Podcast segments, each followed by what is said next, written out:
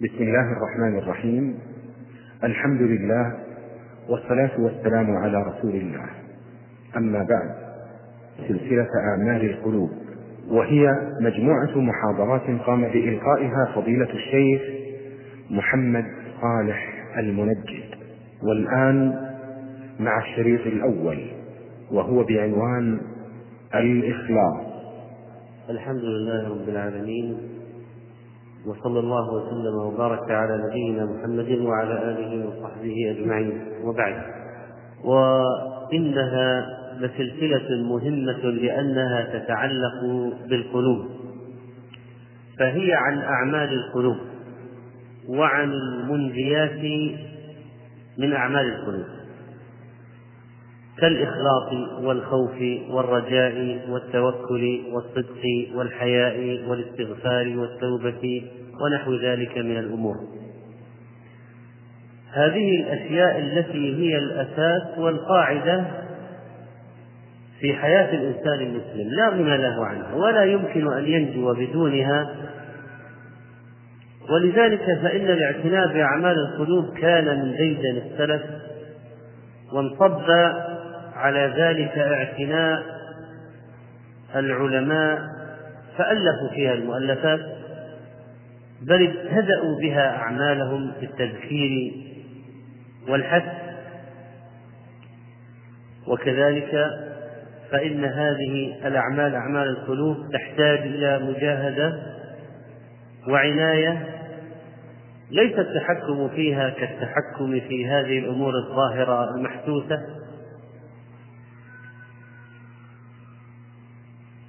وبما أن النجاة مدارها على أعمال القلوب بالإضافة إلى أعمال الجوارح التي لا بد أن تأتي إذا صحت أعمال القلوب.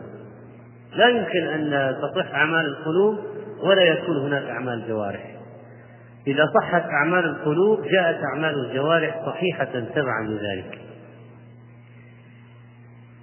ونبتدئ الحديث في هذه السلسلة عن أولها وأهمها وأعلاها وأساسها وهو الإخلاص. الإخلاص هو حقيقة الدين ومفتاح دعوة الرسل عليهم السلام كما قال تعالى وما أمروا إلا ليعبدوا الله مخلصين له الدين حنفاء وقال عز وجل ألا لله الدين الخالص والإخلاص هو لب العبادة وروحها. قال ابن حزم رحمه الله النية سر العبودية وهي من الأعمال بمنزلة الروح من الجسد ومحال أن يكون في العبودية عمل لا روح فيه. إذ هو بمنزلة الجسد الذي لا روح فيه فهو جسد خراب وهو أساس قبول الأعمال وردها فهو الذي يؤدي إلى الفوز أو إلى الخسران فهو الطريق إلى الجنة أو إلى النار. فإن الإخلال بالإخلاص يؤدي إلى النار وتحقيق الإخلاص يؤدي إلى الجنة. أما معنى الإخلاص خلق خلوقا وخلاقا أي صفى وزال عنه شوبه وخلط الشيء صار خالقا وخلصت إلى الشيء وصلت إليه. وخلاصة السمن ما خلط منه فكلمة الإخلاص تدل على الصفاء والنقاء والتنزه من الأخلاق والأوشاب والشيء الخالص هو الصافي الذي ليس فيه شائبة مادية أو معنوية. وأخلص الدين لله قصد وجهه وترك الرياء. أمحض الدين لله ونقاه لله. وقال الفيروزبادي رحمه الله أخلص لله ترك الرياء. كلمة الإخلاص هي كلمة التوحيد. والمخلصون هم الموحدون والمختارون. وأما تعريف الإخلاص في الشرع فيقول ابن القيم رحمه الله في بعض تعريفاته هو إفراد الحق سبحانه بالقصد في الطاعة. إفراد الحق سبحانه بالقصد في الطاعة. أن تقصده وحده لا شريك له.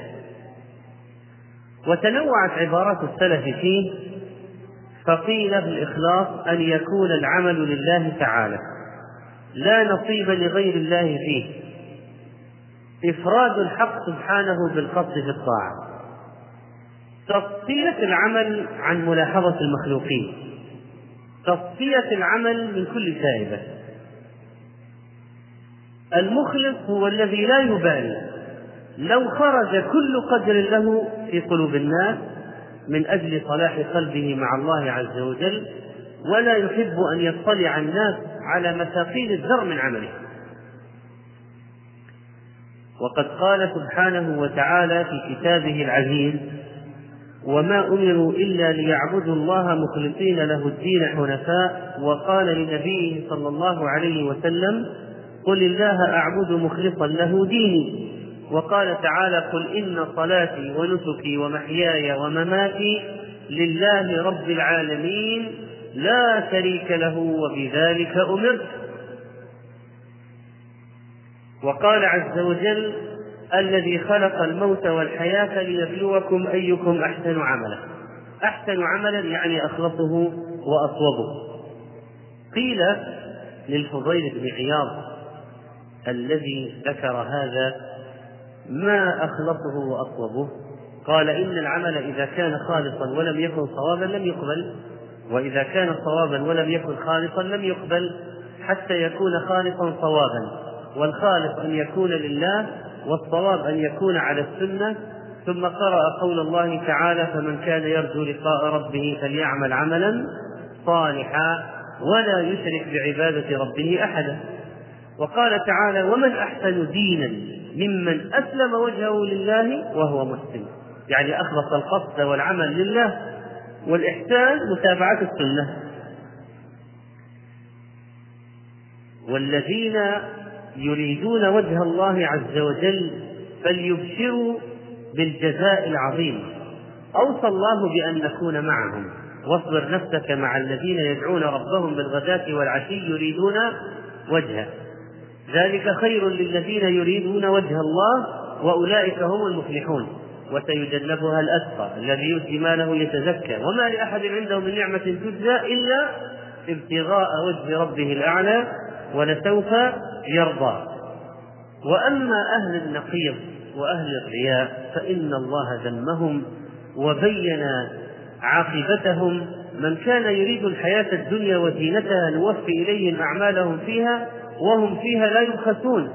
أولئك الذين ليس لهم في الآخرة إلا النار.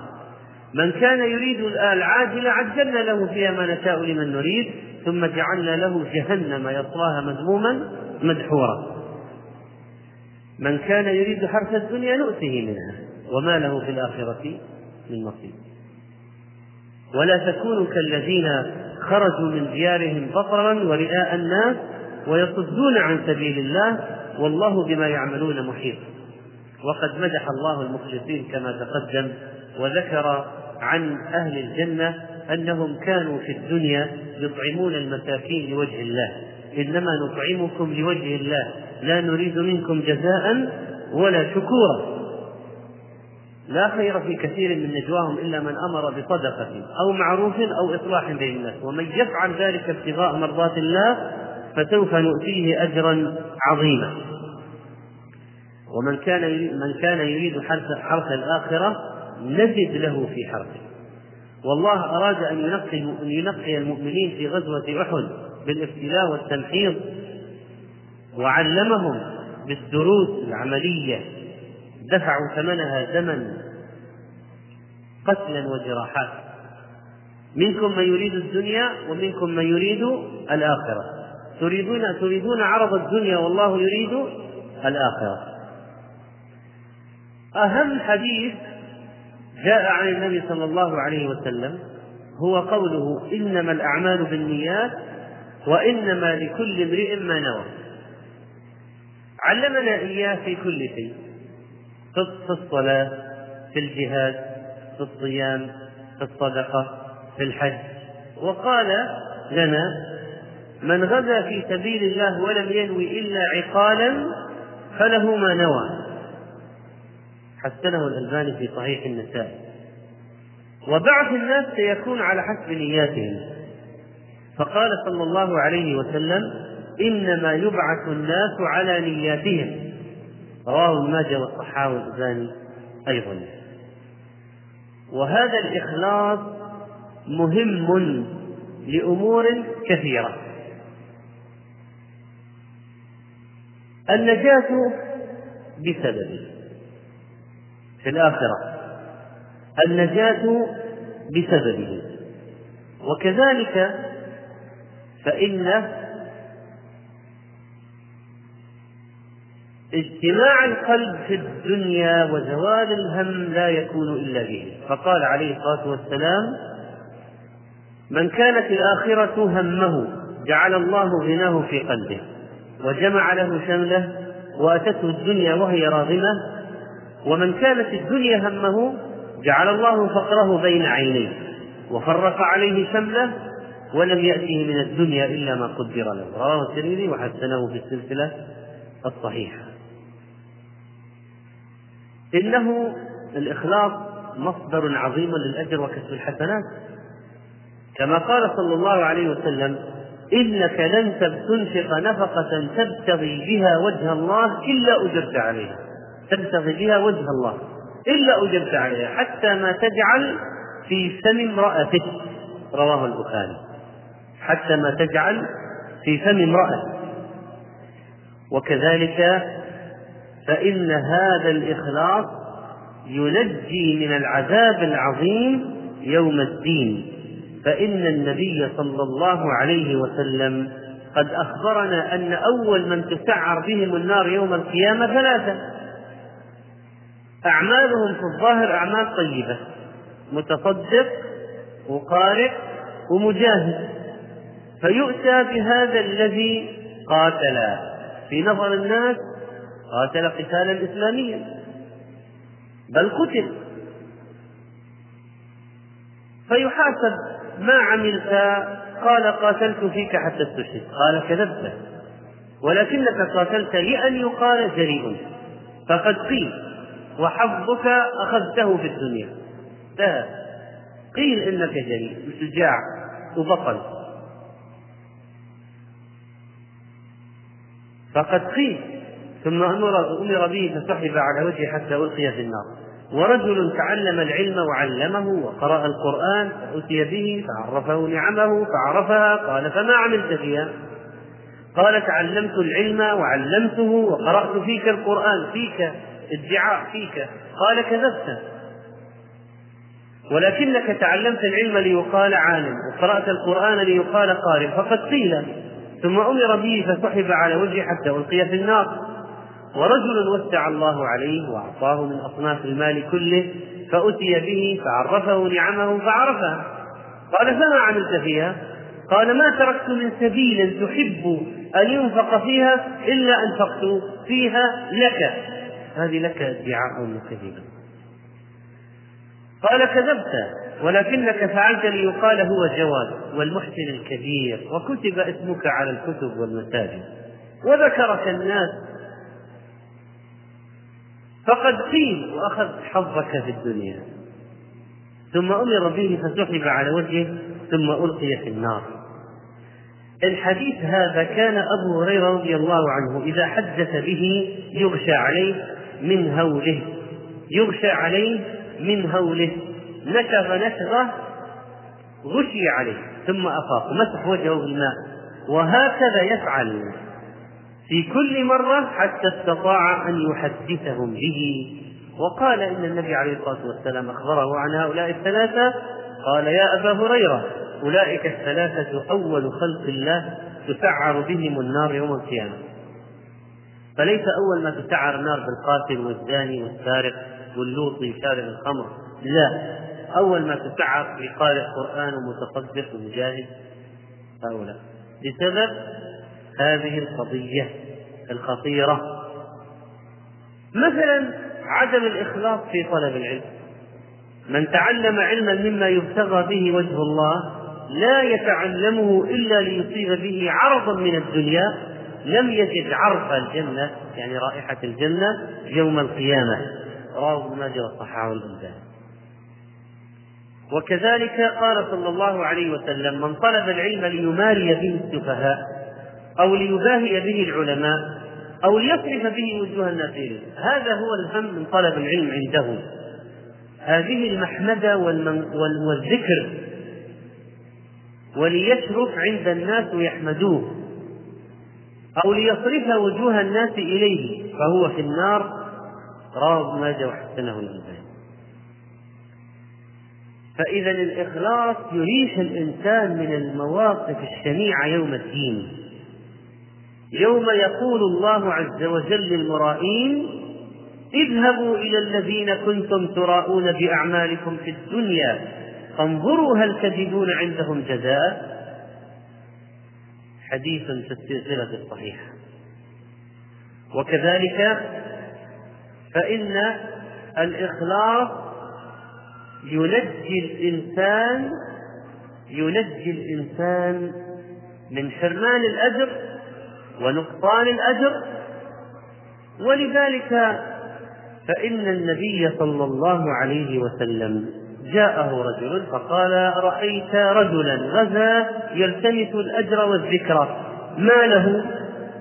فقال رسول الله صلى الله عليه وسلم لا شيء له ثلاث مرات. ثم قال النبي عليه الصلاة والسلام إن الله لا يقبل من العمل إلا ما كان له خالصا وابتغي به وجهه.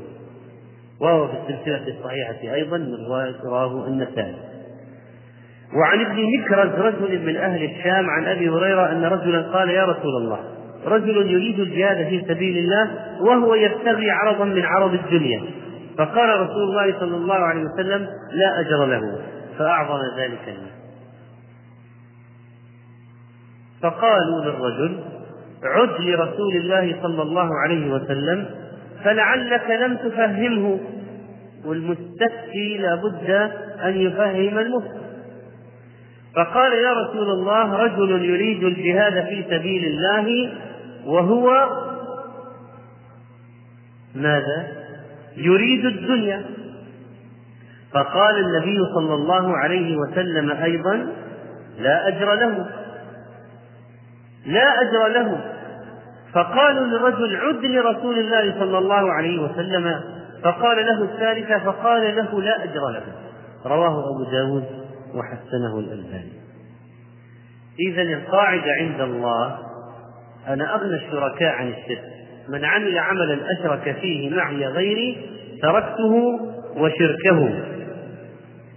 وكذلك فإن الإخلاص هو أساس أعمال القلوب وأعمال الجوارح تبع ومكملة لذلك. والإخلاص من فوائده أيضا أنه يعظم العمل الصغير حتى يصير كبيرا كالجبل. كما أن الرياء يحقر العمل الكبير حتى لا يزن عند الله هباء. وقدمنا إلى ما عملوا من عمل فجعلناه هباء منثورا. قال عبد الله بن المبارك رب عمل صغير تكثره النية ورب عمل كثير تصغره النية. ثم إن الإخلاص يا إخوان من مما يحمي الإنسان به نفسه من الشياطين فهو حصن حصين. ولذلك الشيطان نفسه قال لله لما أخذ العهد على نفسه أن يغوي عباده قال إلا عبادك منهم المخلصين. إلا عبادك منهم المخلصين. فإذا الشيطان لا يستطيع على من تحصن بالإخلاص لا يستطيع. وقال معروف الكرخي يذكر نفسه يا نفس أخلصي تتخلصي وكذلك فإن الحديث عن هذا الموضوع مهم لأن هذا هدي سلفنا فكانوا يبتدئون به مؤلفاتهم مثل ما بدأ البخاري رحمه الله بحديث إنما الأعمال بالنيات وعبد الرحمن بن مهدي قال من أراد أن يصنف كتابا فليبدأ بهذا الحديث يعني حديث إنما الأعمال بالنيات. قضية الإخلاص مهمة لأن كثيرا من الناس يعانون من صراعات داخلية. دعاء طلبة علم أخيار يعانون من صراعات داخلية بسبب هذه القضية ويعانون من أشياء أذهبت بركة الأعمال وخلطت عليهم الأمور وحرمتهم التوفيق إلا من رحم الله سبحانه وتعالى. ثم كيف يقوم الدين إلا بجنود مخلصين كيف يعلم الدين إلا بطلبة علم مخلصين كيف ينصر الدين إلا بمجاهدين مخلصين؟ إذا أيها الأخوة قضية الإخلاص مهمة في إنقاذنا من الوضع الذي نعيش فيه الآن. الأمة الآن تعيش الآن في تخلف وتأخر وهزيمة متسلط عليها من الشرق والغرب. بأي سبب؟ أسباب كثيرة. من أهمها اتخاذ هذا العنصر في أفراد الأمة إلا من رحم الله. صار الإخلاص عزيزا نادرا أو قليلا. ولو أن الإخلاص كثر لرأيت حال الأمة غير ما عليه الآن. ثم إن هناك مشاريع إسلامية كبيرة تجهض. دعوات تقوم ثم تسقط. لماذا؟ لأن تلوثت بأقدار الرياء في حركات إسلامية كبيرة. حركات ما هي واحد واثنين وجهد أفراد لا حركات إسلامية فيها آلاف الأشخاص. دمرت كلها دمرت. انهارت. صارت أثرا بعد عين. تفرقوا شجر مدر ضاعوا راحوا في البلدان بسبب عدم وجود الإخلاص. صارت مقاصد الدنيا المال الجاه الرئاسة. قضي عليه وكذلك فإن النية في العمل نفسه لا يصلح لا يقوم إلا إذا أخلص فيه ليس شعري كيف تصلح نية من لا يعرف حقيقة النية؟ وكيف يخلص من صحح النية إذا لم يعرف حقيقة الإخلاص؟ وكيف يطالب يطالب المخلص نفسه بالصدق إذا لم يتحقق معناه؟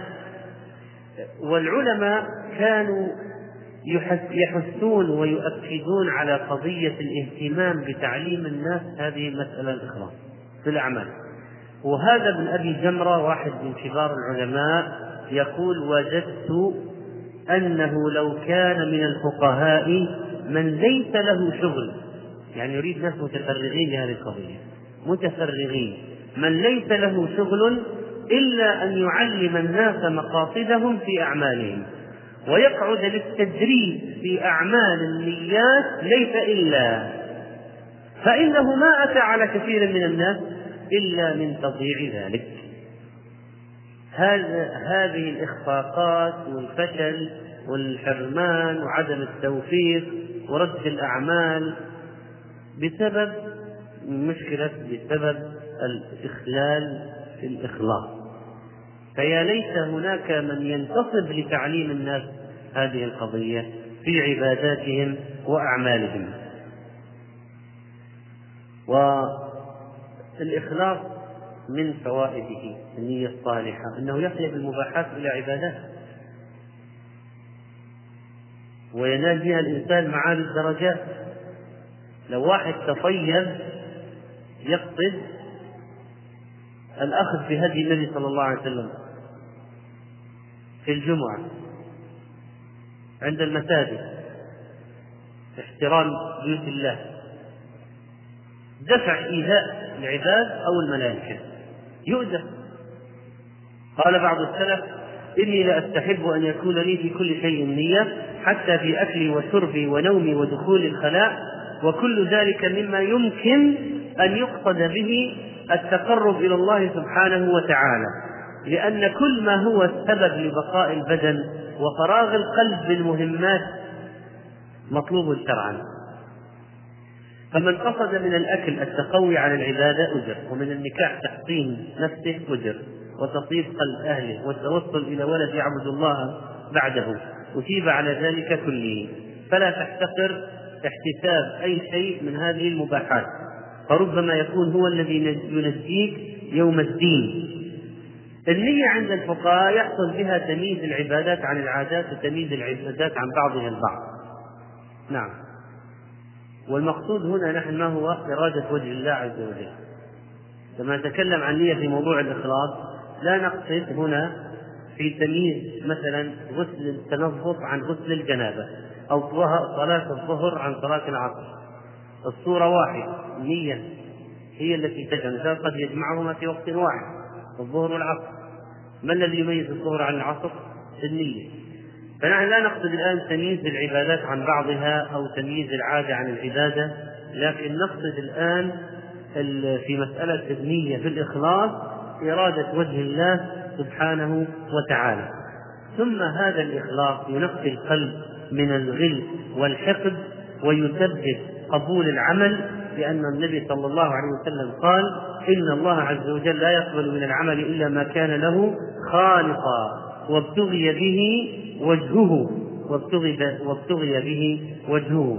ثم هذا الإخلاص سبب للمغفرة الكبيرة للذنوب. فيقول شيخ الإسلام ابن تيمية رحمه الله والنوع الواحد من العمل قد يفعله الإنسان على وجه يكمل فيه إخلاصه فيغفر الله به كبائر. كحديث البطاقة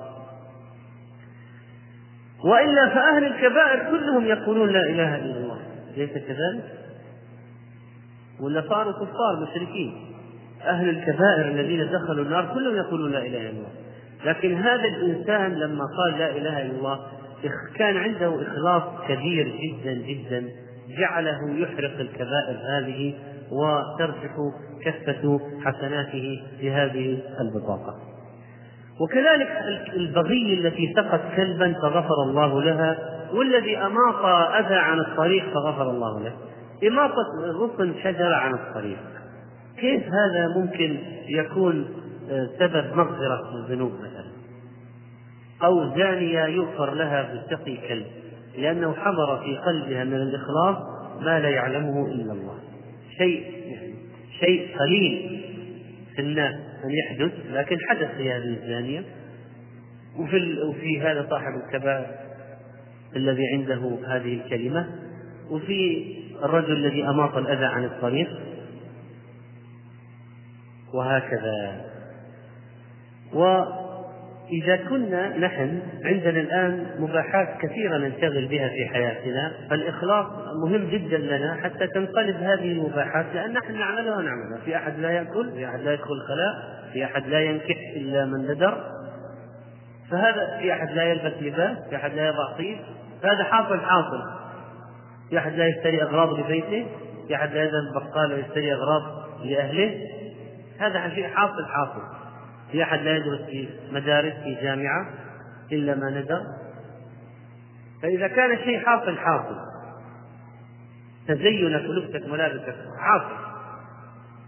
فإذا كان سيحصل وسيحصل فما أحسن وأعظم أنك تؤجر عليه؟ فكيف تؤجر عليه إلا بنية صالحة وهي الإخلاص؟ ثم تنفيذ الكروب لا يحصل إلا بالإخلاص مثل أصحاب الغار الثلاثة. كيف نجوا من الصخرة؟ واحد نوى وجه الله وأخلص في خدمة والديه. من المساء حتى من الليل طيلة الليل إلى الصباح. واحد بالإخلاص قام من بين رجلي امرأة لا تحل له. واحد بالإخلاص وفى عاملا أجره ونماه وكثره صبر على هذا التكفير سنين. هو أعظم الثلاثة بالحقيقة واحد صبر في موقف قام من الزنا. واحد صبر ليلة. لكن ذاك الذي نمى العقل نمى المال لصاحب المال نماه له سنين. ثم جاء وأخذه كله ولا تركه ولا شيء. اللهم إن كنت إن, إن تعلم إن كنت تعلم أني فعلت ذلك ابتغاء وجهك ففرج عنا ما نحن فيه. فهكذا نجوا بالإخلاص. فهو الذي هو مركب النجاة وبسببه تنفس الكروب. بل وتطرد الوساوس والأوهام إلا عبادك منهم المخلصين. ويرزق الإنسان به الحكمة. إن تتقوا الله يجعل لكم فرقانا. وإذا أخلص العبد لله حري أن يوفق للصواب. أليس كذلك؟ أن يوفق للحق. والنبي عليه الصلاة والسلام كان يدعو يعني اهدني لما اختلف فيه من الحق بإذنه. وبالإخلاص يدرك الإنسان أجر العمل ولو عجز عنه. بل ويصل إلى مراتب المجاهدين ويبلغ منازل الشهداء وإن مات على فراشه. كيف يبلغ منازل الشهداء وهو يموت على فراشه؟ كيف؟ ولا على الذين إذا ما أتوك لتحملهم قلت لا أجد ما أحملكم عليه تولوا وأعينهم تفيض من الدمع حزنا ألا يجدوا ما ينفقون. يريدون الجهاد لكن ما عندهم. وقال عليه الصلاة والسلام إن أقواما خلفنا بالمدينة ما سلكنا شعبا ولا واديا إلا وهم معنا. شركاء في الأجر. لماذا؟ قال حبسهم العذر. رواه البخاري. وفي رواية مسلم إلا شركوكم في الأجر. بالإخلاص الإنسان ممكن يؤجر ولو أخطأ. كالمجتهد طالب العلم الفقيه يجتهد في المسألة. ومؤهل للاجتهاد وليس إنسان عادل جاهل لا. يخطئ. لا يصيب الحق يؤجر رحمك الله. يؤجر بماذا؟ لأنه نوى بالاجتهاد هذا استقراض الوجه إصابة الحق لأجل الله. فلو ما أصابه يؤجر على ذلك. وينجو الإنسان من الفتن بالإخلاص ويجعل الله له حفظا من الشهوات ومن الوقوع في براكن أهل الفسق والفجور. ولذلك يوسف نجا من جثة امرأة العزيز ولا كان هوى في وادي الزنا والفجور؟ ولقد همت به وهم بها لولا أن رأى برهان ربه. كذلك لنصرف عنه السوء والفحشاء. إنه من عبادنا المخلصين. وطبعا المخلصون هؤلاء من أعظم ما يأتيهم من نعيم الجنة. إلا عباد الله المخلصين أولئك لهم رزق معلوم. فواكه وهم مكرمون في جنات النعيم. وتضاعف الحسنات إلى سبعمائة ضعف إلى أضعاف كثيرة بسبب الإخلاص. ويثبت الله سبحانه وتعالى المخلصين. فإذا حري بنا أن نكون من أهل الإخلاص ما دامت هذه الفوائد كلها للمخلصين. لقد جاءت نصوص شرعية في في عدد من المجالات في الإخلاص. لتنبيه العباد عليه. الإخلاص في التوحيد ما قال عبد لا إله إلا الله قط مخلصا إلا فتحت له أبواب السماء حتى تفضي إلى العرش. ما اجتنبت الكبائر. رواه الترمذي وحسنه الألباني. الإخلاص في السجود قال رسول الله صلى الله عليه وسلم ما من عبد يسجد لله سجدة إلا رفعه الله بها درجة وحط عنه بها خطيئة. الإخلاص في الصيام من صام يوما إيمانا من صام رمضان إيمانا واحتسابا غفر له ما تقدم من ذنبه. الإخلاص في قيام الليل. من قام رمضان إيمانا واحتسابا غفر له ما تقدم من ذنبه. وحتى الصيام لو كان ليس في رمضان. من صام يوما في سبيل الله بعد الله وجهه عن النار سبعين خريفا. رواه البخاري. الإخلاص في المحبة في الله والإخلاص في الصدقة والإخلاص في ترك الحرام. مثل حديث السبعة الذين يظلهم الله في ظله. بسبب إخلاصهم هذا قلبه معلق في المساجد لأجل الله وهذا أحب رجلا لله وهذا امتنع عن الزنا لله وهذا أنفق حتى لا تعلم شماله ما تنفق يمينه لله وهكذا. والإخلاص في الخروج إلى المساجد. لأنه قال في الحديث خرج إلى المسجد لا يخرجه إلا الصلاة لم يخطو خطوة إلا رفعت له بها درجة وحط عنه وحط عنه بها خطيئة فإذا صلى لم تزل الملائكة تصلي عليه ما دام في مصلاه اللهم صل عليه اللهم ارحمه ولا يزال أحدكم في صلاة منتظر الصلاة رواه البخاري. الإخلاص في طلب الشهادة. من سأل الله الشهادة بصدق بلغه الله منازل الشهداء وإن مات على فراشه. الإخلاص في اتباع الجنازة. من اتبع جنازة مسلم إيمانا واحتسابا. إيمانا بالله واحتسابا للأجر في الله إخلاص. وكان معه حتى يصلى عليها ويفرغ من دفنها فإنه يرجع من الأجر بقيراطين. كل قيراط مثل أحد. ومن صلى عليها ثم رجع قبل أن تدفن فإنه يرجع بقيراط. الإخلاص في التوبة هو الذي جعل ذلك الرجل الذي قتل مئة نفس أن يقبل الله توبته وأن يجعله يقبض من قبل ملائكة الرحمة.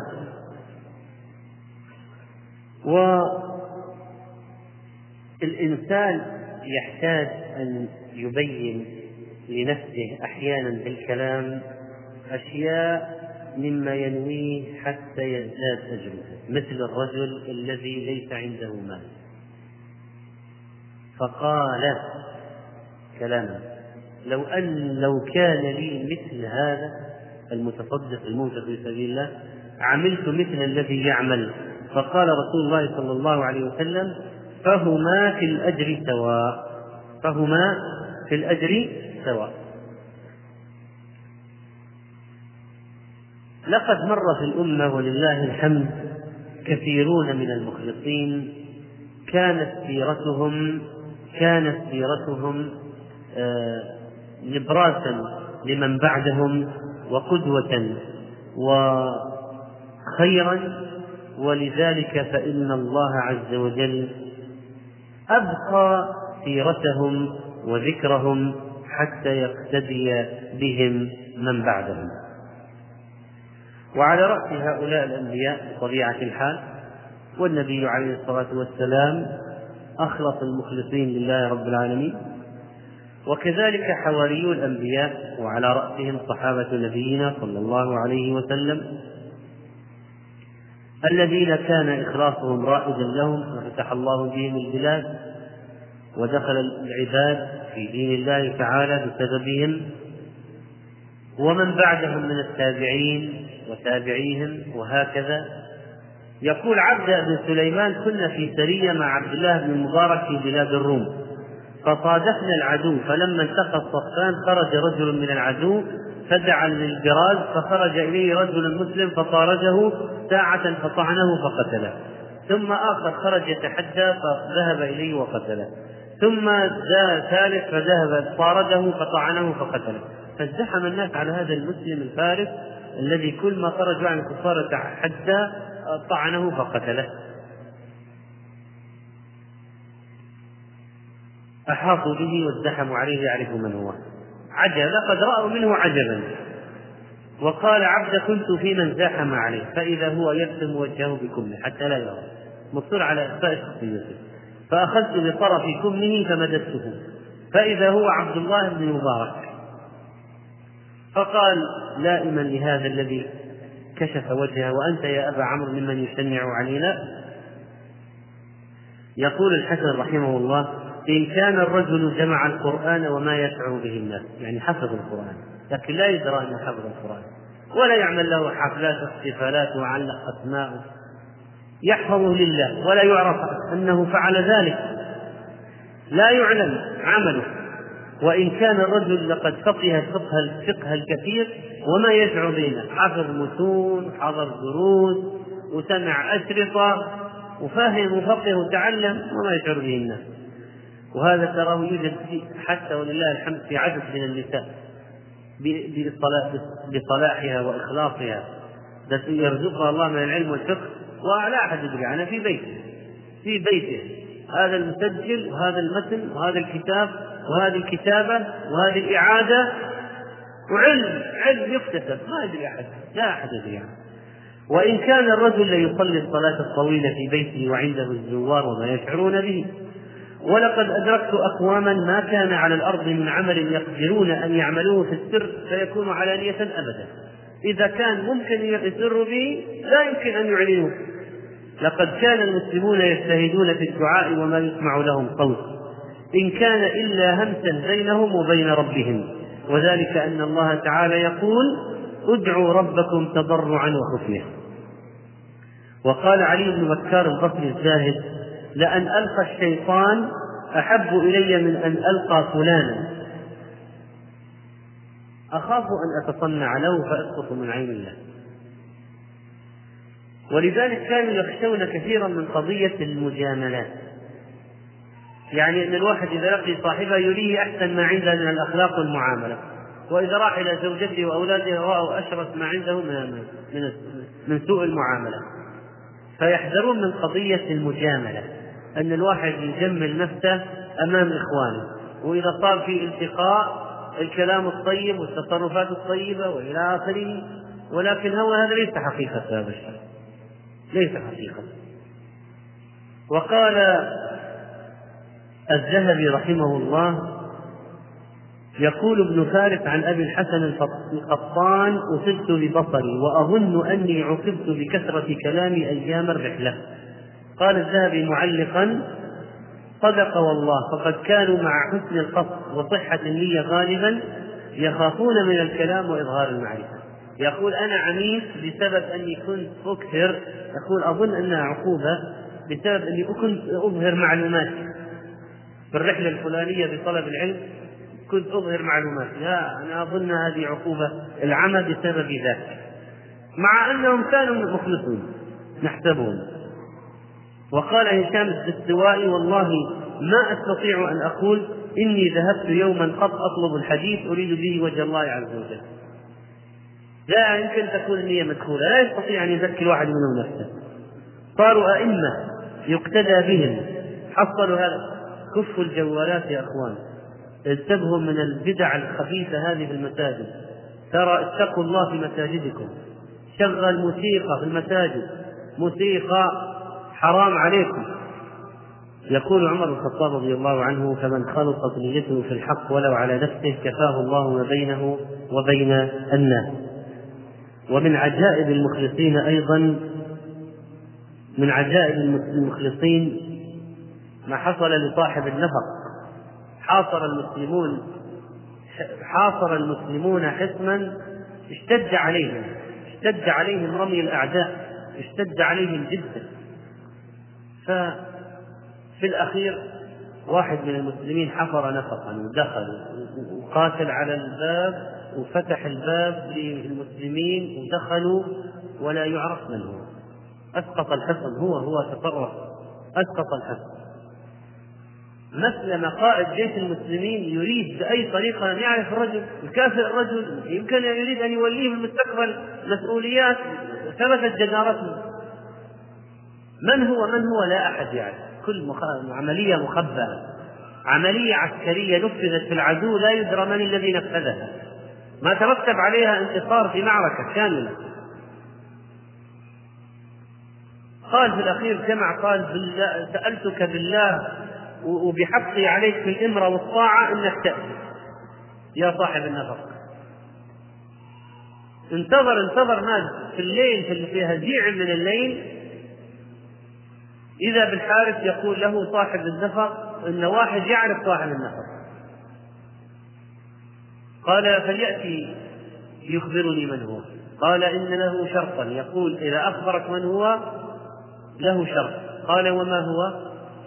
قال أن لا تبحث عنه بعد ذلك أبدا. ولا تطلب رؤيته ولا الكلام معه. قال له شرط. فدخل الرجل قال أنا صاحب النفقة لي شرط. شرطت عليك. لا تشهر أمري ولا ولا تسألني عن اسمي ولا تطلبني بعد ذلك. وراح. فكان هذا إذا دعا القائد يقول اللهم احشرني مع صاحب النفق. لأنه رأى من ذلك إخلاصا عجيبا. وكذلك فإنهم إذا استطاعوا أن يكون عمل الخلوة ممكنا لم يحبوا أن يكون في جلوة. كان عمل الخلوة أحب, أحب إليهم من عمل الجلوة الذي يجلو ويراه الناس. يقول حماد بن زيد كان أيوب ربما حدث بالحديث فيرف يعني تدمع عيناه متأثر فيلتفت فينتخط ويقول ما أشد الزكام فيظهر أنه مزكوم لإخفاء البكاء. ويقول الحسن البصري رحمه الله إن كان الرجل ليجلس المجلس فتجيئه عبرته فيردها. فإذا خشي أن تسبقه وتنهمر أمام الناس ينكشف قام قام وذهب بكى راح في الخارج. ويقول محمد بن واسع التابعي إن كان الرجل ليبكي عشرين سنة وامرأته معه لا تعلم. لا تعلم عن بكائه وهو يناجي ربه في الليل وكذلك فإن الإمام الماوردي رحمه الله له قصة عجيبة في الإخلاص في تصنيف الكتب. هذا الإمام ألف تأليفات كثيرة تفسير وفقه وغير ذلك لكن ما أظهر ولا شيء منها في حياته لما ألف الكتب هذه. ألفها وجمعها في موضع أغلق عليها خبأها لما جنت وفاته قال لشخص يثق به لما حس بقرب الأجل وأنه نزل به مرض يؤدي إلى يمكن أن يؤدي إلى الموت. قال له الكتب التي في المكان الفلاني كلها تصنيفي وإنما عاينت الموت ووقعت في النزع فاجعل يدك في يدي. إذا رأيتني أحتضر اجعل يدك في يدي. فإن قبضت عليها وعصرتها فاعلم أنه لم يقبل مني شيء فاعمد إليها وألقها في دجلة بالليل. آه تخلص منها كلها مع أن أنفقت فيها سنوات طويلة جدا. وإن بسطت يدي ولم أقبض على يدك فاعلم أنها قبلت وأني قد ظفرت بما كنت أرجوه. من النية الخالصة يعني لعل شيء وقع في نفسك إحساس يعني عند الموت إن كان هذا وإن كان هذا. قال فلما قارب الموت وضعت يدي في يده فبسطها ولم يقبض على يده ومات راح. فأظهرت كتبه بعده. فهو ما أخذ في الدنيا ولا كلمة مدح ولا ثناء ولا شكر ولا تقدير ولا تقديم. تقديم الشيخ فلان وتقديم فلان. وقدم لي الكتاب وثناء على الكتب. وهذا قد كتبه فأجاد المؤلف ما أخذ ولا شيء. ولا حقوق نشر ولا كذا ولا. وهناك من علمائنا ولله الحمد من عنده مثل هذا. دار النشر الآن تعطيه حقوق حقوق. يبيعون الكتاب.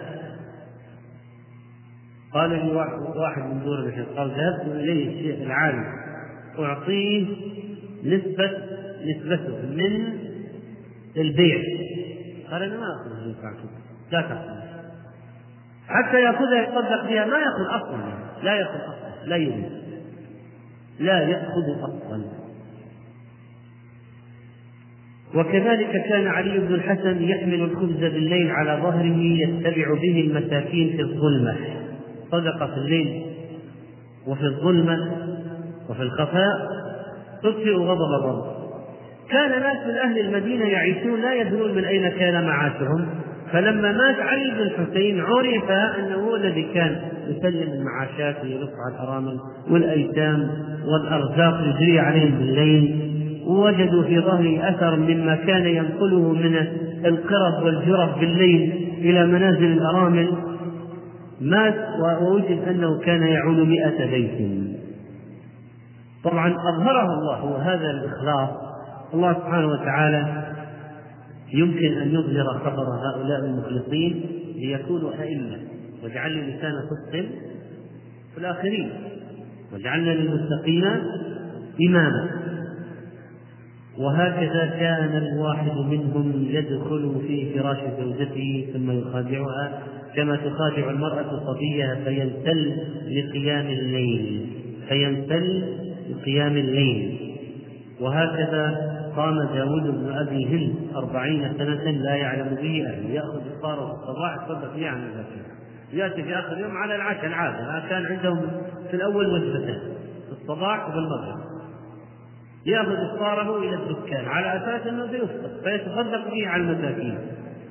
وإذا جاءه المغرب طلب العشاء على المعتاد وإنما هو صائم وربما ادهن ومسح شفتيه وجعل آه، على وجنتيه ووجهه شيئا من المرهم لئلا يظهر جفافه بسبب الصيام. الأعرابي الذي كان مع النبي عليه الصلاة والسلام أعرابي لما جاءه وآمن به واتبعه وقال أهاجر معك أوصى به النبي صلى الله عليه وسلم بعض أصحابه. فلما كانت غزوة خيبر وغنم وغنم النبي صلى الله عليه وسلم فيها شيئا غنم وقسم وقسم للأعرابي وأعطى أصحابه ليوكلهم لدفع للأعرابي وكان يرعى ظهرهم دوابهم فلما جاءوه بنصيب من الغنيمة قال ما هذا؟ قالوا قسم لك النبي صلى الله عليه وسلم. فأخذه فجاء به إلى النبي صلى الله عليه وسلم. فقال ما هذا؟ الأعراب يقول ما هذا الذي وصلني من وممن وكلته؟ قال قسمته لك. قال ما على هذا تبعتك؟ مع أن المغانم حق للمقاتلين. قال ما على هذا تبعتك؟ ولكن اتبعتك على أن أرمى إلى ها هنا وأشار إلى حلقه بسهم فأموت فأدخل الجنة. فقال إن تصدق الله يصدقك فلبثوا قليلا. ثم نهضوا في قتال العدو فأتي به النبي صلى الله عليه وسلم يحمل. قد أصابه سهم حيث أشار في نفس المكان.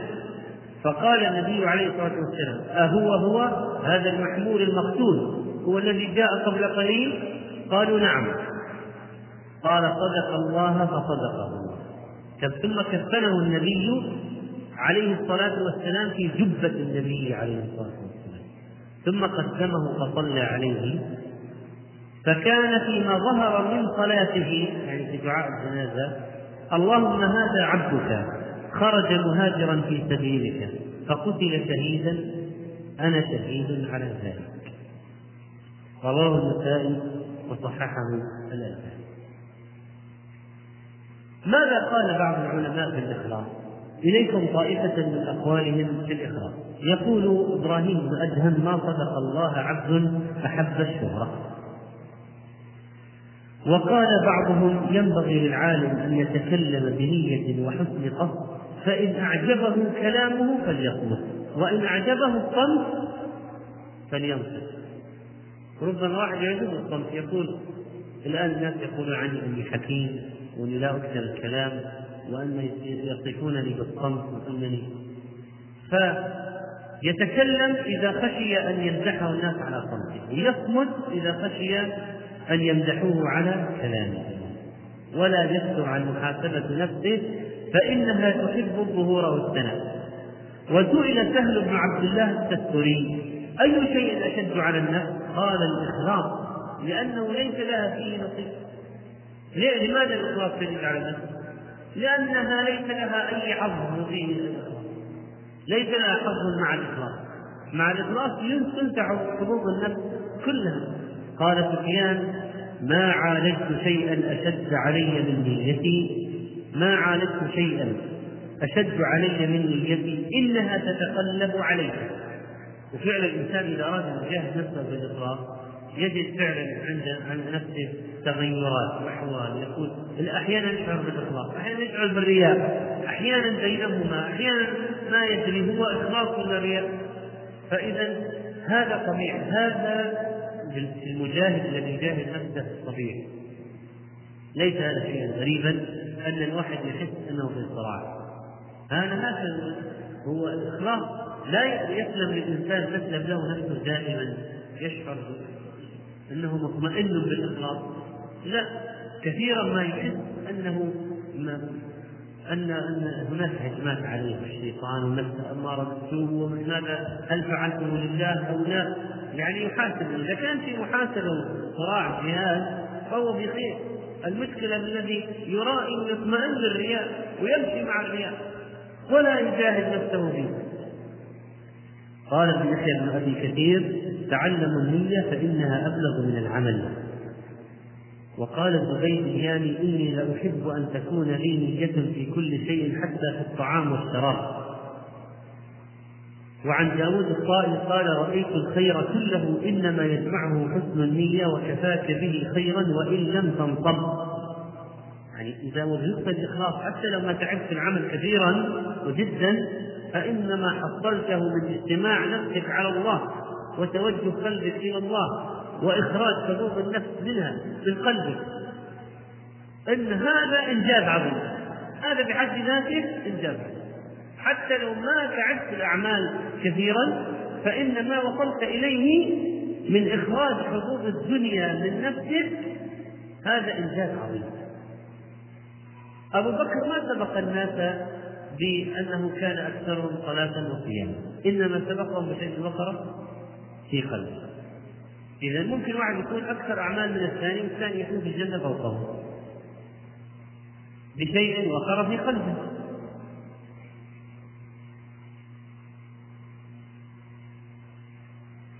وقال داود البر همة التقي ولو تعلقت جميع جوارحه بحب الدنيا لرفعته مهما نيته إلى أصله. وقال يوسف بن أسباط تخليص النية من فسادها أشد على العاملين من طول الاجتهاد. وقيل لنافع بن جبير ألا تشهد الجنازة؟ قال كما أنت حتى أني.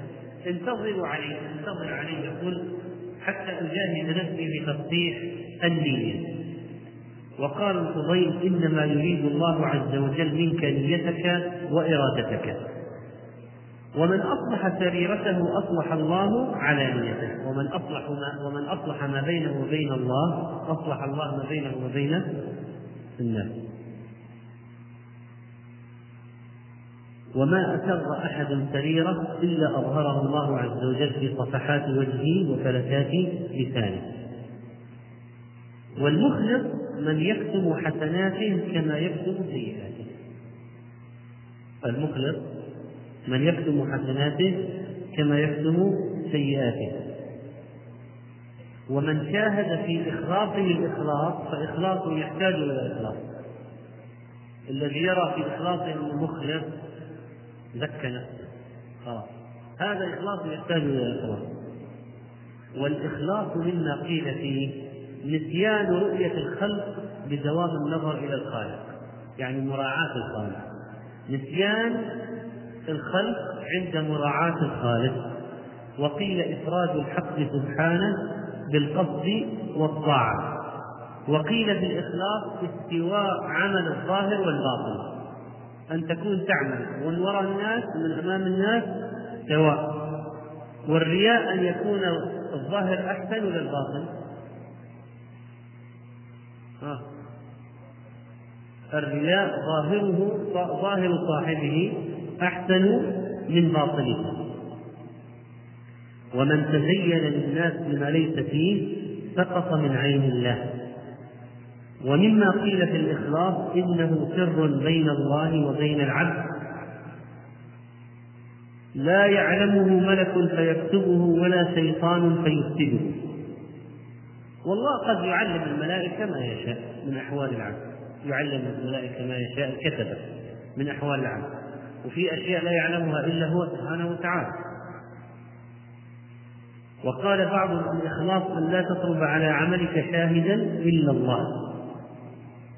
وإذا داوم عليه الإنسان رزقه الله الحكمة كما قال مسحول ما أخلص عبد قط أربعين يوما إلا ظهرت ينابيع الحكمة من قلبه على لسانه.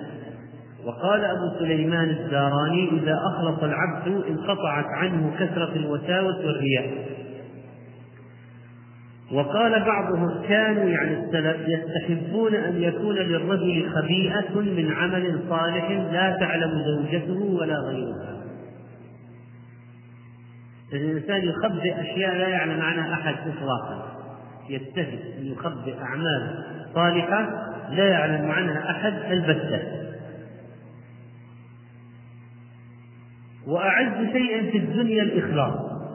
يقول يوسف بن الحسين كم أجتهد في إسقاط الرياء من قلبي فينبت لي على لون آخر.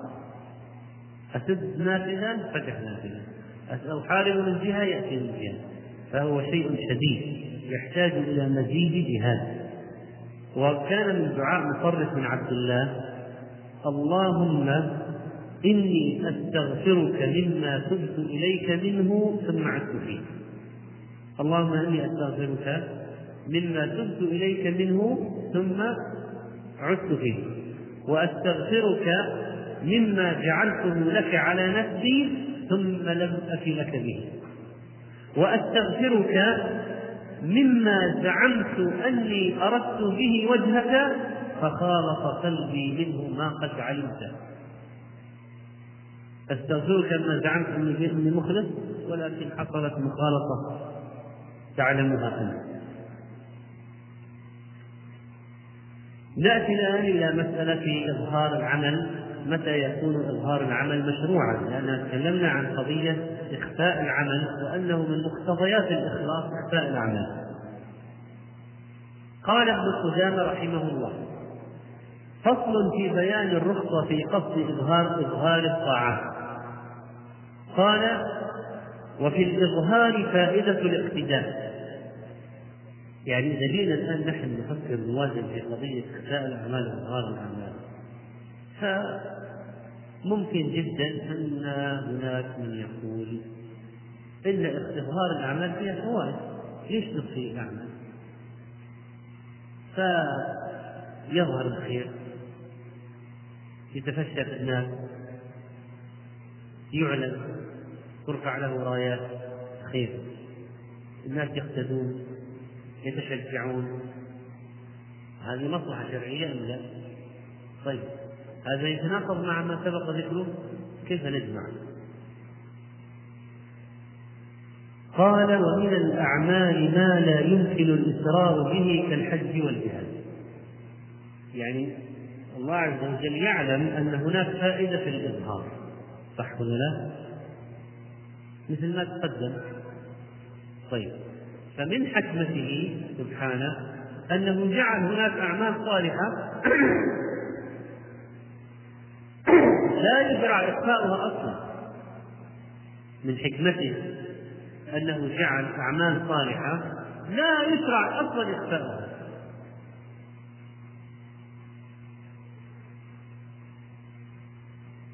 كالحج والجهاد. يعني لا ما يعني مهما أخفيت نفسك لا تظهر عند في عرفة وفي الطواف وبين الصفا والمروة عند الجمرات. وأن تغطي نفسك المحرم يغطي وجهه أقول المحرم يغطي وجهه لا يغطي راسه لا فانت مكشوف. أنت مكشوف. صلاة الجماعة الإمام الأذان.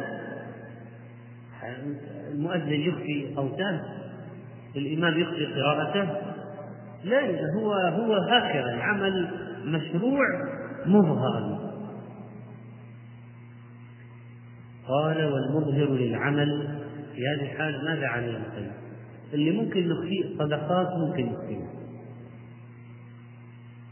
لكن الزكاة إذا جمعها الإمام لابد كل واحد يأتي بزكاته يسلمها سيظهر. الصدقات نخفيها. صيام النافلة صيام نخفيها. طيب. الأشياء التي لا بد أن تظهر ما هو موقفنا منها؟ ما هو موقفنا من الحج وصلاة الجماعة والأذان والخطيب وإمام المسجد والعالم إذا استفتي لا بد أن يظهر للمستفتي أن هذا مفتي يعطيه جواب. لا يمكن أن الناس يفتيهم شخص مجهول. لا يرونه ولا يعرفونه. فماذا ينبغي؟ المظهر للعمل ينبغي أن يراقب قلبه. المظهر المظهر للعمل ينبغي أن يراقب قلبه حتى لا يكون فيه حب الرياء الخفي بل ينوي الاقتداء به. إذا لابد نصلح نياتنا في الأعمال المظهرة بحيث نقاوم نقاوم ماذا؟ داعي الرياء وننوي بإظهار العمل الذي هو أصلا لا بد من إظهاره أن يقتدي بنا الآخرون فنؤجر على ذلك ولا ينبغي للضعيف أن يخدع نفسه بذلك يعني واحد ممكن يخفي العمل لكن نفسه ضعيفة فجاء يعني خاطر قال ليش ما أظهر عملي يقتدي به الناس وهو إنسان يعرف أن قلبه ضعيف وأنه إذا أظهر العمل راح. لا يمكن أن يظهر العمل ويبقى مخلصا. وهناك ناس عندهم قوة يستطيع الواحد منهم أن يظهر العمل يبقى مخلصا. كل واحد يعرف نفسه. كل واحد يعرف فإذا جاءك واحد قال جاءك خاطر قال أظهر عملك ليقتدي الناس بك. وأنت ممكن تخفيه فانظر في نفسك. هل يمكن أن تظهره ليقتدي الناس به وتبقى مخلصا؟ ولا غير ملتفت إلى الناس ولا إلى كلامهم؟ ولو مدحوك أو ذموك سواء عندك إذا كان كذلك فأظهره لأن فيه فائدة. تزداد أجرا عندما يقتدي الناس بك. لكن إن كنت تعلم من نفسك الضعف. لو أظهرت العمل الصالح هذا فإنك سينصب اهتمامك على مدح الناس لك وثناءهم عليك فلا تظهروه لأنك ضعيف. ومثل هذا الذي يظهره وهو ضعيف كمثل إنسان يحسن سباحة ضعيفة. فنظر إلى جماعة من الغرقى فرحمهم. وأقبل عليهم ليسعفهم فتشبثوا به فماذا يحصل؟ غرقوا جميعا فإذا هذه المسألة يا إخوان فيها تفصيل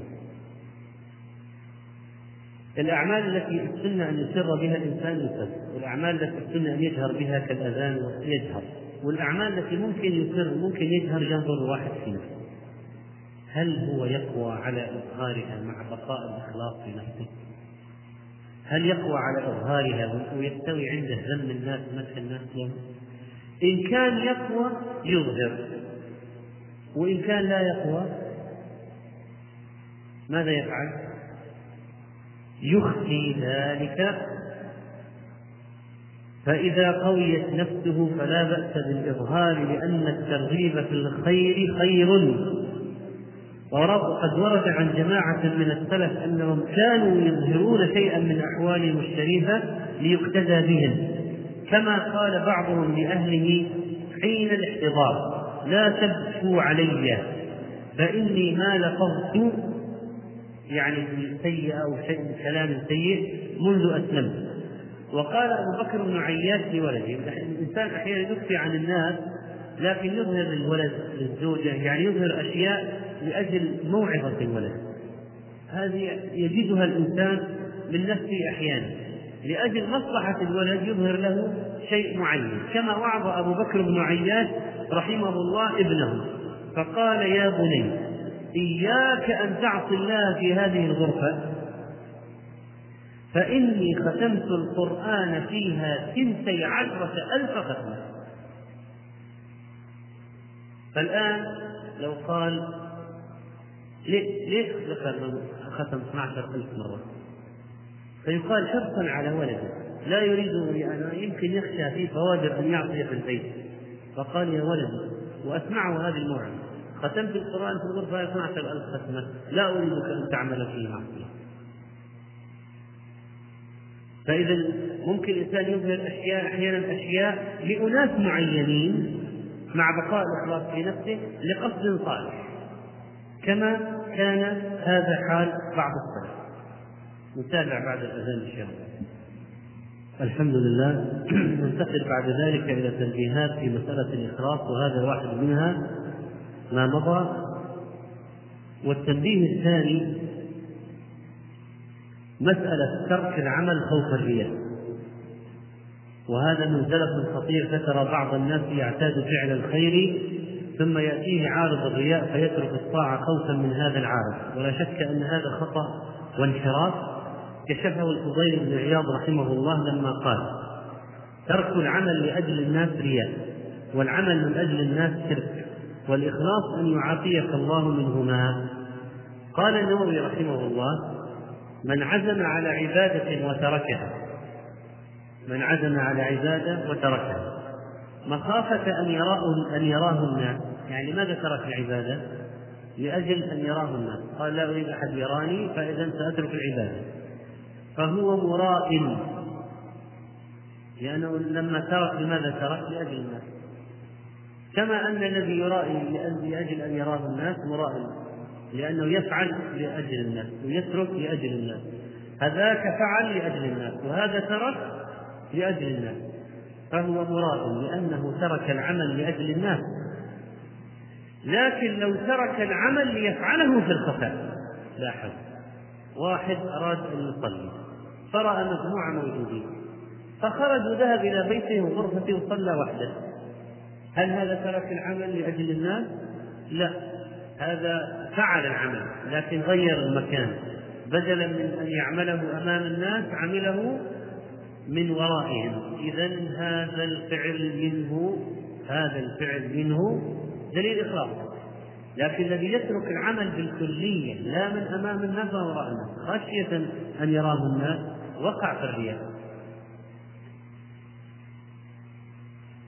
وكذلك فإن من كان يستحق في حقه إظهار العمل فيظهره كما تقدم مثل أن يكون عالما يقتدى به مثلا أو العمل الذي يعمله أصلا المشروعية في الإظهار.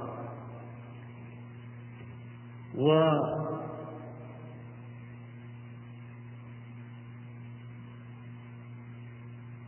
هناك أمور ينبغي معرفتها في قضية إظهار العمل وكسب العمل. وهي أن من دعا إلى كسب كل الأعمال الصالحة من جميع الناس هذا إنسان خبيث الذي ينادي بالكسب بإخفاء كل الأعمال الصالحة من جميع الناس. هذا إنسان خبيث قصد إماتة الإسلام.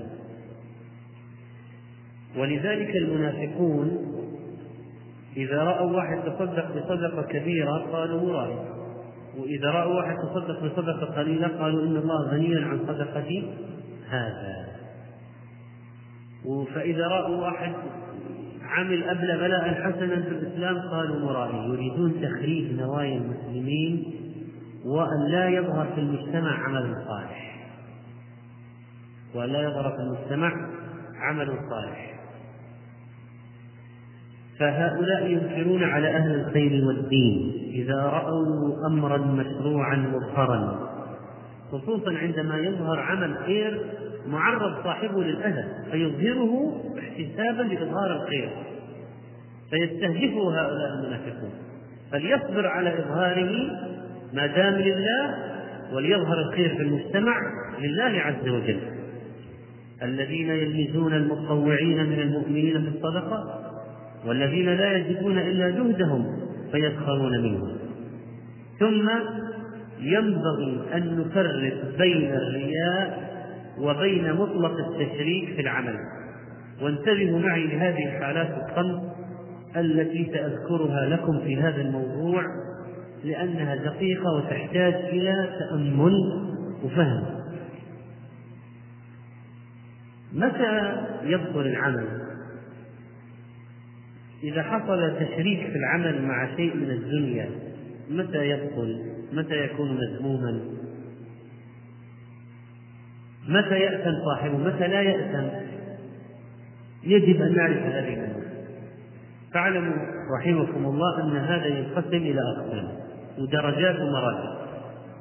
أولا أن يعمل لله ولا يلتفت لشيء آخر. الناس درجات وأقسام. منهم من يعمل لله ولا يلتفت لشيء آخر فهذا أعلى المراتب. ثانيا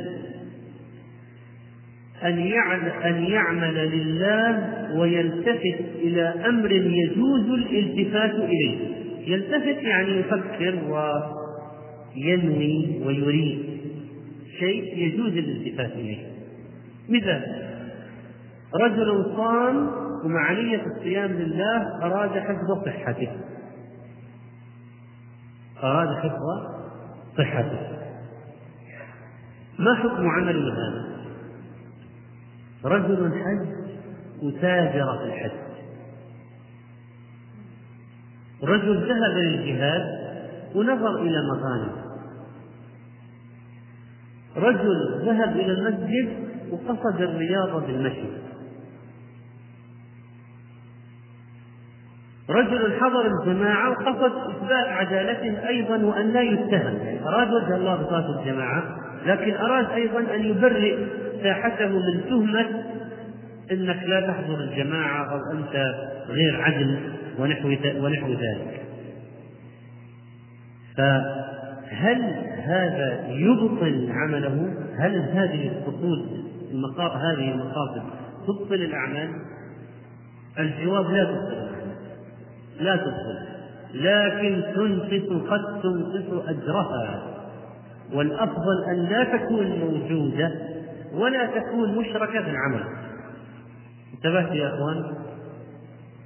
أن لا تكون مشركة في العمل ولا داخل فيه أصلا. يعني تحج من غير تجارة أفضل. وتصوم من غير أن تقصد مع الصيام تخفيف الوزن أفضل. تمشي للمسجد فقط تذكيرك الحسنات ورفع الدرجات ومسح السيئات ما عندك أي قصد آخر. هذا أفضل.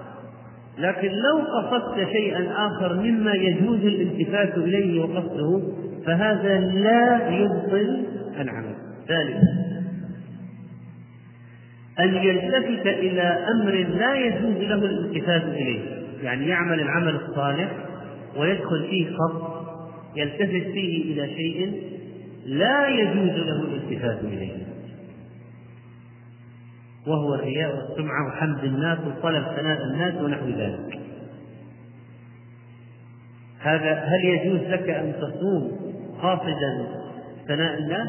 تصلي في الجماعة قاصدا أن الناس يقولون عنك أنك صاحب دين وصاحب صلاة؟ لا. طيب هذا هل يدخل العمل أم لا؟ الجواب. إذا كان في أصل العمل فإنه يدخله كمن صلى من أجل الناس أصلا ما صلى مراعي الله أبدا وإنما يراعي الناس. فهذا عمله باطل. باء أن يعرض له خاطر الرياء أثناء العمل فيدافعه ويجاهده فهذا عمله صحيح مأجور ومأجور على الجهاد أيضا. لا يدخل عمله. جيم أن يطرأ عليه الرياء أثناء العمل ولا يدافعه ويستمرئه ويستمر معه. فماذا يحدث العمل؟ يبطل أيضا.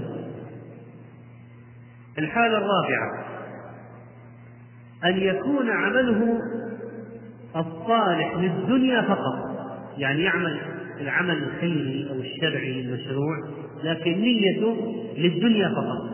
واحد صام فقط للريجيم والحمية فقط. فقط.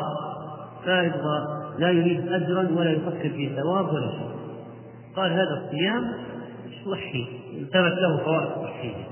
فأنا سأصوم الآن لأجل فوائد الصحية واحد حج لا يريد أن يخرج من ذنوبك ولا يتركه ولا فكر في أجر فقط للتجارة. يوصل الناس بالسيارات يؤجر السيارة ويبيع البضاعة. وهكذا. واحد أخرج زكاة لينمو ماله. قال والله ثبت لدينا من عوائلنا العائلة والأسر غيرنا أن يخرج زكاته يخرج زكاته الزكاة ينمو المال. فأنا سأخرج الزكاة لينمو مالي.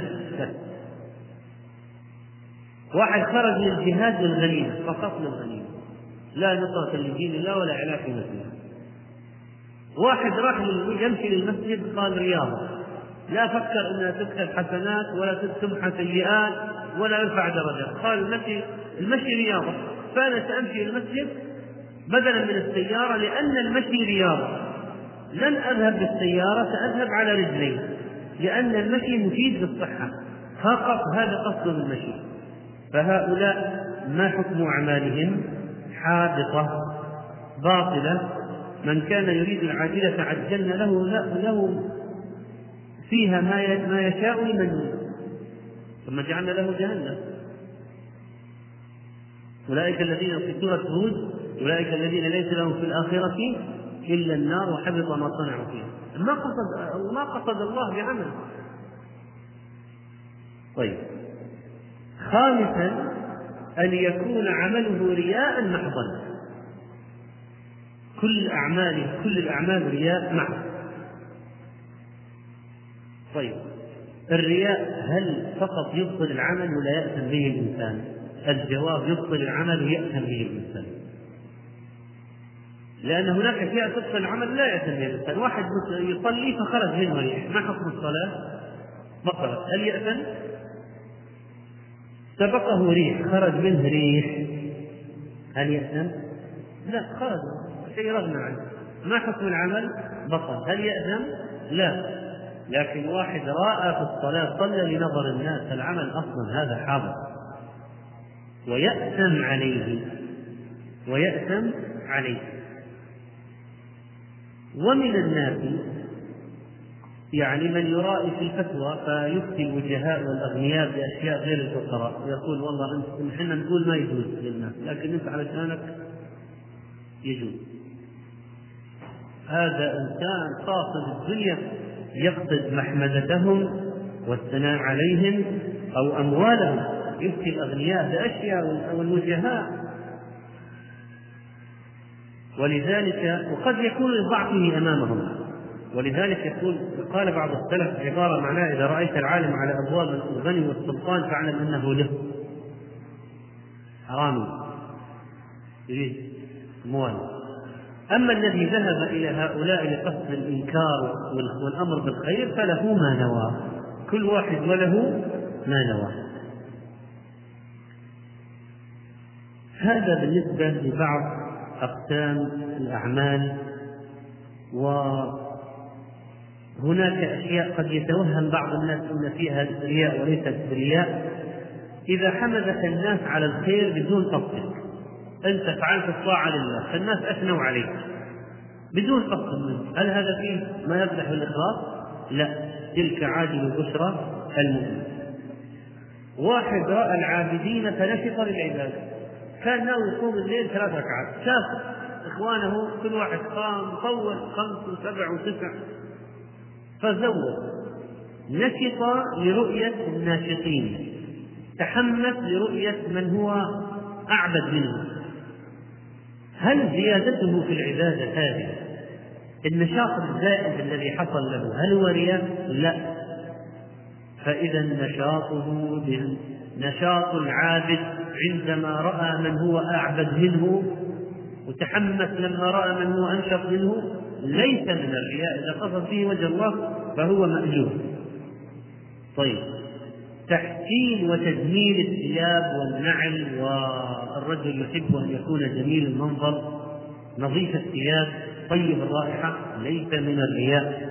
كذلك. طيب. كتم الذنوب وعدم التحدث بها. بعض الناس يظن انك حتى تكون مخلص لازم تفضح نفسك وتقول إن إذا عملت معصيه تقول ترى أنا عملت كذا عملت.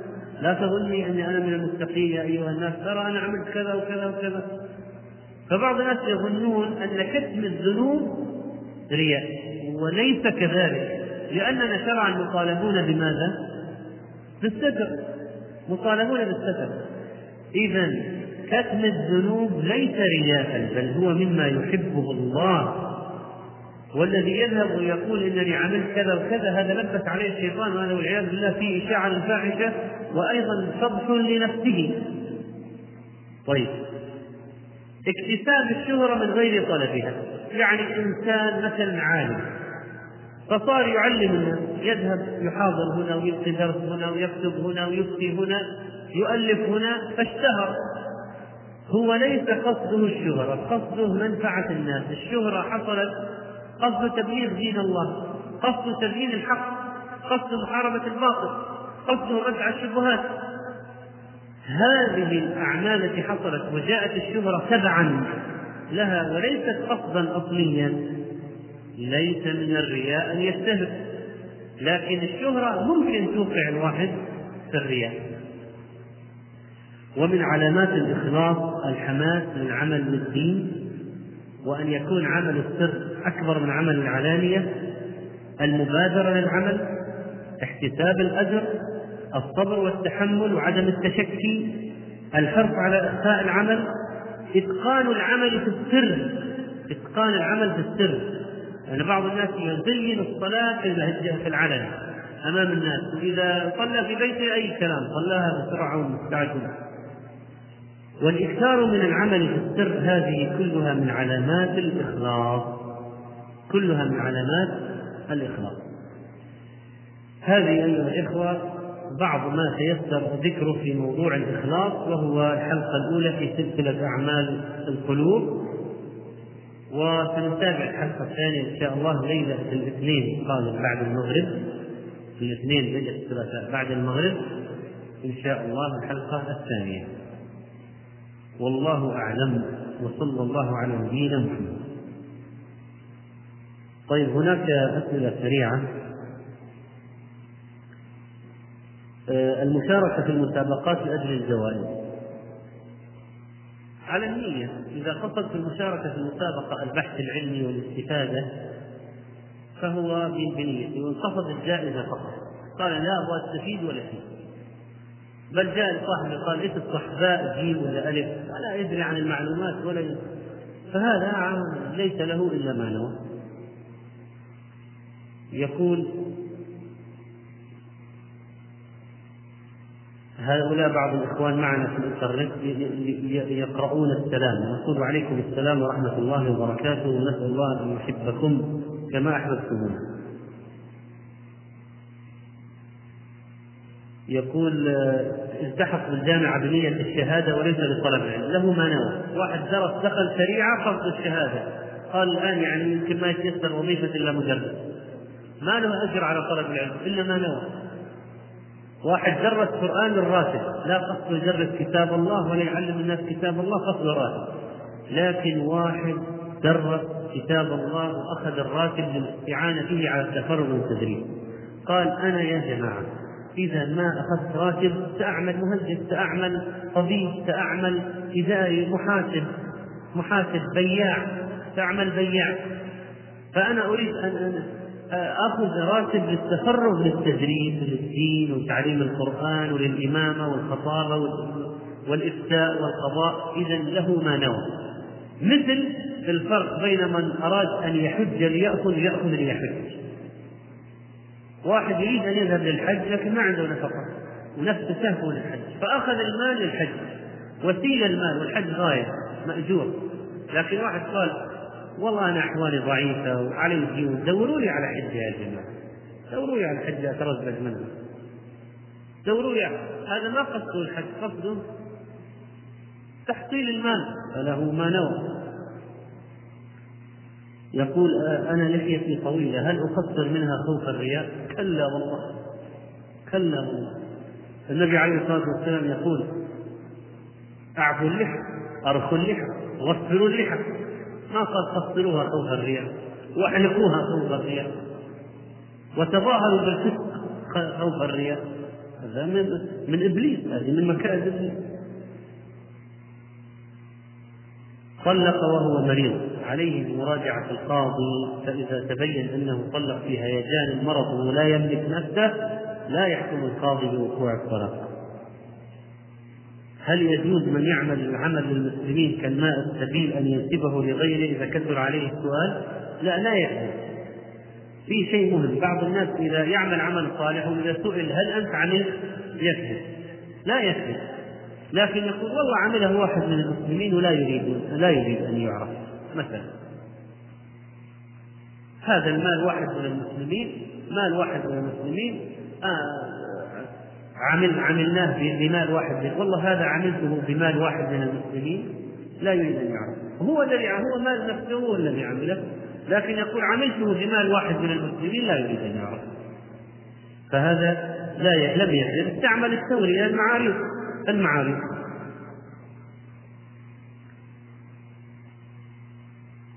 يقول نيتي صالحة ولكن لا أعمل. هذا كذب. لا يحتمل إذا كانت النية صالحة لا بد من العمل. إذا كانت النية غير صالحة سيترك العمل. ترك العمل دليل على أن النية فاسدة. لو كانت النية صالحة فعلا لعمل. يقول أريد أن أموت سعيدا في تحرير فلسطين وعمري خمسة عشرة سنة ولكن هناك ما يمنعني. هل لي أجر؟ نعم. إذا صدقت مع الله فلك أجر. فلك أجر. لكل امرئ ما نوى. ومن مات ومن مات وهو ينوي الشهادة من من نوى الشهادة في سبيل الله بلغه الله منازل الشهداء وإن مات على فراشه. نصيحة للقائمين على المراكز الصيفية في مراعاة نية الصغار وعدم استعجال ترأسهم لئلا تفسد نيتهم، هذه ملاحظة جيدة. ملاحظة جيدة أن لا يولى في المهمات في المراكز وغيرها من إذا ولي صار همه في المنصب والشهرة وإنما يختار من يريد شمول الذكر من لا يريد الرئاسة من هو بعيد عن هذا. وقد الإنسان لا يجد أحيانا. لماذا قال عمر اللهم إني أشكو إليك من عجز الثقة وجلد الفاجر.